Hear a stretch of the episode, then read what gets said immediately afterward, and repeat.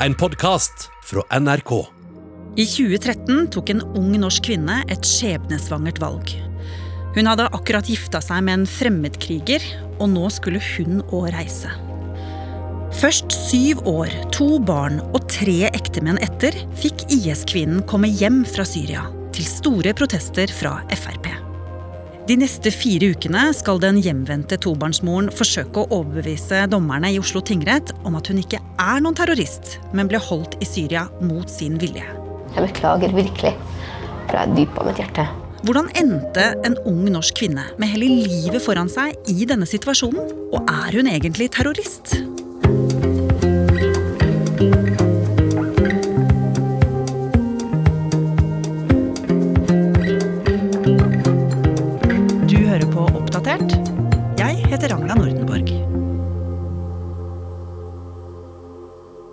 Nå begynner denne rettssaken mot den første kvinnen som kom tilbake fra det såkalte IS-kalifatet i Syria, og mange husker henne sikkert eh, fra i fjor, da det ble mye bråk da hun ble hentet hjem fra Syria med barna sine.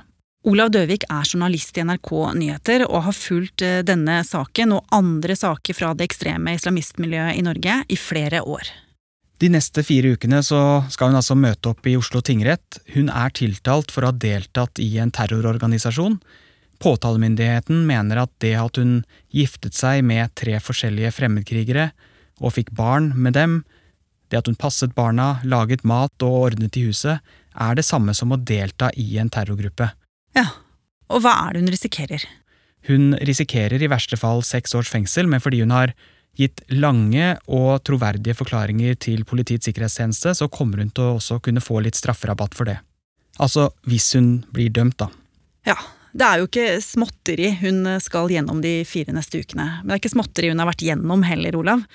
Hvordan havnet denne jenta fra Oslo i denne situasjonen? Vi må vel nesten begynne helt på starten. Hun kom til Norge da hun var fire år gammel, fra Pakistan sammen med familien sin. Vokste opp sammen med mor og far og flere søsken. Hun var ganske sporty, vet vi. Spilte fotball aktivt. Holdt med Manchester United i England. Og hun var så stor fan at eh, på rommet hennes eh, så hadde hun et putetrekk på senga med logoen deres i gult og rødt med en rød djevel på. Men hva mer vet vi? Hun vokste opp i en muslimsk familie som ikke var strengt praktiserende. Hun gikk f.eks. ikke med hijab. Men en ting som vi vet at familien var litt opptatt av, var at de skulle følge tradisjonen når det gjaldt ekteskap. Og de hadde allerede blinket ut en fetter i Pakistan som de mente passet bra for henne. Men de var også opptatt av at barna skulle ta høyere utdanning. Og det året hun fylte 20 år, i 2010, så begynte hun på Høgskolen i Oslo, det som nå heter Oslo OsloMet, for å studere datateknologi. Og det er her hun skal møte noen folk og komme inn i et miljø som skulle altså gi livet hennes en ny retning. Ja, hun ble med i en studentforening som het Islamnett. Og Islamnett fikk jo veldig mye oppmerksomhet i Norge akkurat på den tida hun eh, ble med. Ja, de var konservative muslimer og hadde arrangementer hvor de ofte inviterte omstridte gjester, gjerne fra utlandet, for å tale for dem. Omstridt muslimsk predikant er i Norge for å forelese, oppfordrer til omskjæring av kvinner og mener homofili er en større synd enn drap. Den konservative muslimske gruppen Islamnett arrangerer nå en fredskonferanse i Oslo, der de sier de vil oppklare misforståelser om islam. Fahad Qureshi er født og oppvokst i Norge. Hans religiøse overbevisning gjør at han ikke håndhilser på kvinner. Og i dette miljøet så fant hun seg jo godt til rette. Ja, hun ble med i arrangementskomiteen etter hvert. Hun var jo god på data, så hun styrte mye med Excel-ark og den type ting. Og i dette miljøet så fikk hun også flere nye venninner. Blant annet så møtte hun to som også seinere reiste til Syria og slutta seg til IS. Den ene av de var den eldste av de såkalte Bærum-søstrene, som mange kanskje har hørt om. Mm. Den andre var en nikab-forkjemper som heter Aisha. Og disse ble et slags trekløver som holdt mye sammen. Og ganske raskt etter at hun kom inn i dette miljøet, begynte hun med hijab. Men hun stoppa ikke der, for våren 2012 så testet hun også nikab, altså denne heldekkende klesdrakten med bare hull til øynene, for første gang. Og det ble tilfeldigvis fanga på kamera av NRK Brennpunkt. Aleikum salam. Alhamdulillah, det går fint. Nei, når venter du med nikab? Jeg prøver det i dag. Ja, gjør det, ja. Hvordan, hvordan føles det? Jeg, føler, jeg føler meg veldig Jeg vet ikke, Det er en kjempefin følelse. Det er en overlykkelig følelse, for å være helt ærlig. Jeg har lyst til å begynne med det, så vi får se hvordan det går. Det er veldig vanskelig med en pappa og sånt, så han er jo ikke veldig praktiserende selv, så da blir det veldig vanskelig. Men vi får se hvordan det går. Håper inshallah det går bra. Og dette her var altså om våren i 2012. Og på denne tiden begynte flere i hennes miljø å bli opptatt av noe som skjedde i et land langt borte. Nå skal vi til Syria, for borgerkrigen der har kostet mer enn 18 000 mennesker livet. Og 170 000 mennesker har flyktet fra landet, ifølge helt nye tall fra FN. Syriske stridsvogner møter stadig hardere væpnet motstand. Flere og flere hopper av fra hæren og slutter seg til demonstrantene, og er innstilt på væpnet kamp mot Assad-regimet. Konflikten i Syria provoserte jo mange over hele verden. Det som starta med et fredelig opprør mot eh, president Assad, endte jo med at han slo voldsomt tilbake, satte inn militæret mot sitt eget folk. Barn og unge ble drept, og til og med gassa i hjel. Hjerteskjærende scener utspiller seg på et sykehus i Syrias største by, Aleppo. Mange følte behov for å gjøre noe og hjelpe til, spesielt eh, blant unge muslimer. Så var det veldig mange som da ønska å dra ned til Syria for å kjempe mot presidenten. Og mange muslimer pakka jo snippesken og dro til Syria for å hjelpe til. Og hva vet du om eh, hva vår kvinne mente om det? De fleste var jo mot Assad, men det var etter hvert litt uenighet om eh, metoden var å reise ned til Syria. Det er mye som tyder på at eh, hun og venninnene mente at Islamnett, som de var en del av, ikke gikk langt nok, og de ble trukket mot et mye mer ekstremt miljø, som seinere skulle bli kjent som Profetens Umma. Og hva slags gjeng var det? Det var en litt løst sammensatt gruppe av eh, unge, radikale muslimer som hadde ekstreme meninger. Noen av dem hadde også et eh, kriminelt rulleblad. Og i denne gjengen så møtte hun en fyr som hun ble kjempeforelsket i. Her hører vi han rope 'død over USA' på arabisk. Det er fra en septemberdag høsten 2012. Da marsjerer rundt 100 sinte muslimer med svarte flagg mot den amerikanske ambassaden i Oslo, og de protesterer mot en film som de mente hadde krenket profeten Muhammed. Både unge, gamle, barn og kvinner tørster etter å ta hevn! Du tørster etter å ta hevn! Obama! Obama! Vi Hvile Osama!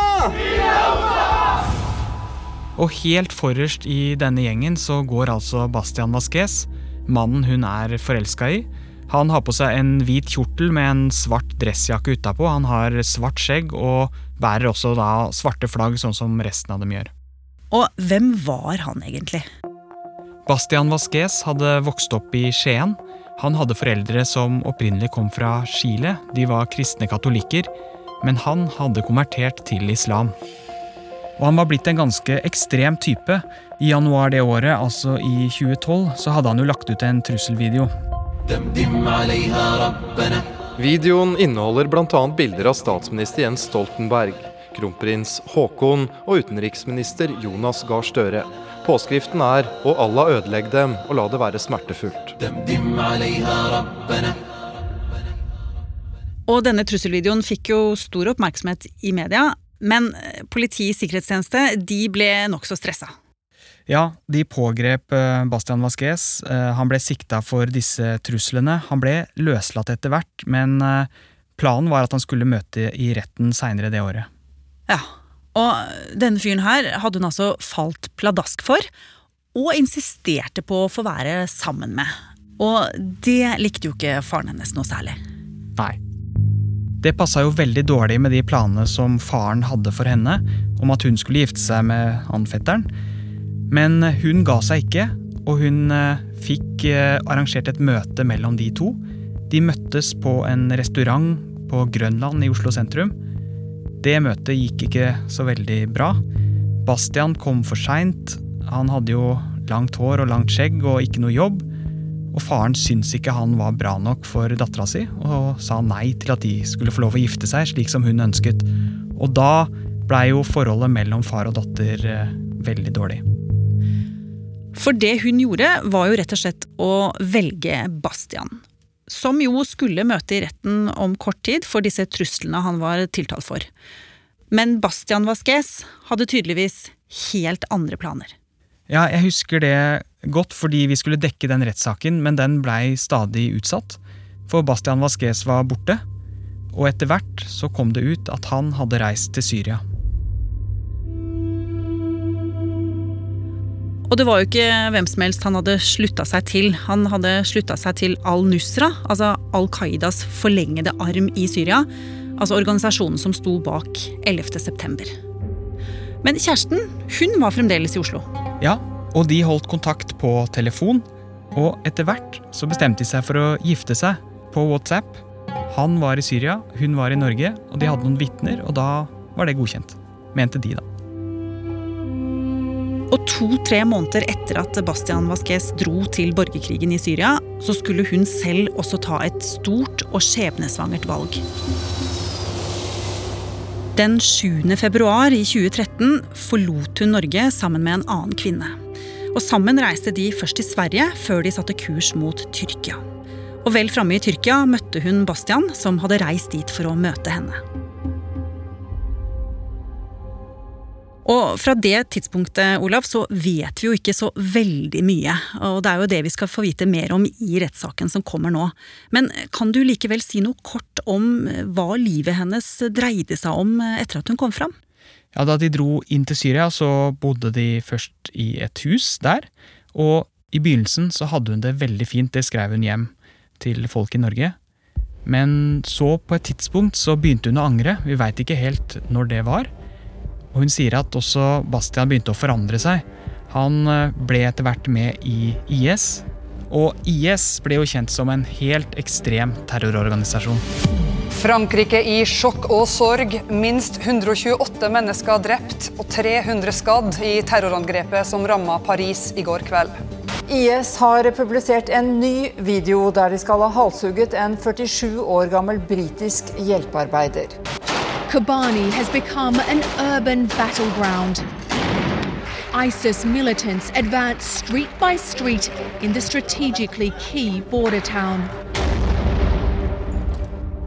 Ja, og jeg husker jo godt noen av disse videoene der Bastian Vasques eh, er med fra IS. Han fikk jo en veldig sentral rolle i propagandamaskineriet, hvor han står i fullt eh, militærutstyr og forteller om hvor fantastisk kalifatet er. Og på hjemmefronten var det jo også utvikling. De fikk et barn sammen, og etter hvert kom det jo også en ny kone inn i bildet. Aisha, venninnen i nikab fra studietiden i Oslo, ble Bastians andre kone. Men så skjedde det noe med Bastian. Ja, han dør i en ulykke i en bombefabrikk, det står det i hvert fall i tiltalen. Etter hvert så gifter den nå terrortiltalte kvinnen seg med en ny fremmedkriger, han er fra Egypt og er sharia-dommer. De får et barn, men så blir han sendt i krigen, og så dør han også. Så gifter hun seg med en ny fremmedkriger igjen, og da er vi kommet så langt at uh, vi er i 2019. Og da er hele dette såkalte IS-kalifatet slått tilbake og nedkjempa, og hun havner i Al-Hol-leiren nord i Syria sammen med barna sine. Jeg bare sier til dem at jeg angrer på at jeg stolte på det mennesket jeg stolte på, og gjorde en feil. Jeg vil bare gjøre ting godt igjen. Så hvis det er mulig, så vær så snill, hjelp meg opp. Jeg vil bare gjøre barna mines fremtid litt bedre. Og her hører vi jo faktisk eh, et intervju med henne, gjort av eh, vår kollega her i NRK Nyheter, Kristine Svendsen, som dro til denne leiren for å se om hun kunne klare å finne eh, noen av de norske kvinnene som var reist til Syria. Og hun bønnfalt jo om å få komme hjem. Og det ble jo en lang prosess med mye hemmelighold og ikke minst stor politisk debatt. Min bønn til Erna Solberg det er vær så snill, skjær igjennom. Hent hjem disse barna. De har vært utsatt for nok lidelser nå. Når man har vervet seg til IS, så er man en potensiell terrorist, en potensiell fare for norske innbyggere. De skal ikke vi bidra til å hente i Norge. Men Sju år etter at hun reiste, i januar i fjor, var hun tilbake på norsk jord. Regjeringen gjør helomvending og henter hjem IS-kvinne med to barn. Frp går mot egen regjering og tar dissens. Jeg tok oss inn i regjering, og nå tar jeg Fremskrittspartiet ut av regjering. Og jeg gjør det fordi det er det eneste riktige å gjøre. Og nå er vi altså kommet hit, til 1. mars 2021. Da starter rettssaken mot henne. I forrige uke så kunne vi se henne på nrk.no uten nikab, men med vanlige klær og løst hår. Og hun sa jo da via forsvareren sin at hun har kasta nikaben, og at hun tar avstand fra IS. Ja, og det vi vet er at hun tok av seg denne nikaben da hun kom i sikkerhet i Erbil i Irak, da hun ble henta hjem av norske myndigheter, og hun har ikke tatt den på siden. Men nå er det altså rettssak. Og hva er det som står på spill nå? Det viktigste spørsmålet er jo om det å være husmor er det samme som å delta i en terrororganisasjon. Mm. Og så var jo terrorgruppa IS veldig spesiell fordi den hadde landområder.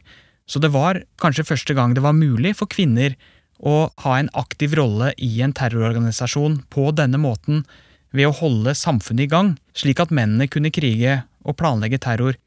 Og så mener jo forsvareren at det å lage mat og passe barn, det er jo ikke å delta i en terrorgruppe. Og uansett så mener de også at hun ønska seg hjem, hun angra på at hun hadde dratt, men hun ble holdt der mot sin vilje. Hun var under tvang, hun hadde ikke noe valg, og når hun først hadde født disse barna, så kunne hun jo ikke la være å gi dem mat, da hadde de jo dødd. Mm. Og da ville hun jo blitt eh, tiltalt for drap isteden. Så et annet viktig spørsmål, hvis jeg har forstått det rett, er jo nettopp da om det er troverdig det hun sier om at hun ønsket seg hjem. Ja, og et hovedspørsmål der er når var det hun begynte å angre, og når var det hun ønska seg hjem? Fordi den nye terrorloven som hun er tiltalt etter, den begynte ikke å gjelde før i juni 2013, og hun dro jo, som vi husker, ned i februar.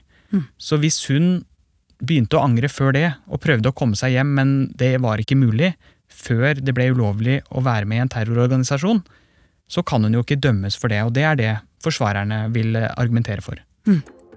Og denne rettssaken skal altså vare i fire uker. Og det blir jo ikke siste gang vi hører om rettssaken og IS-kvinnen her i Oppdatert. Nei, og nå er vi veldig spente på å høre hva hun vil forklare om livet i Syria og det hun har vært med på.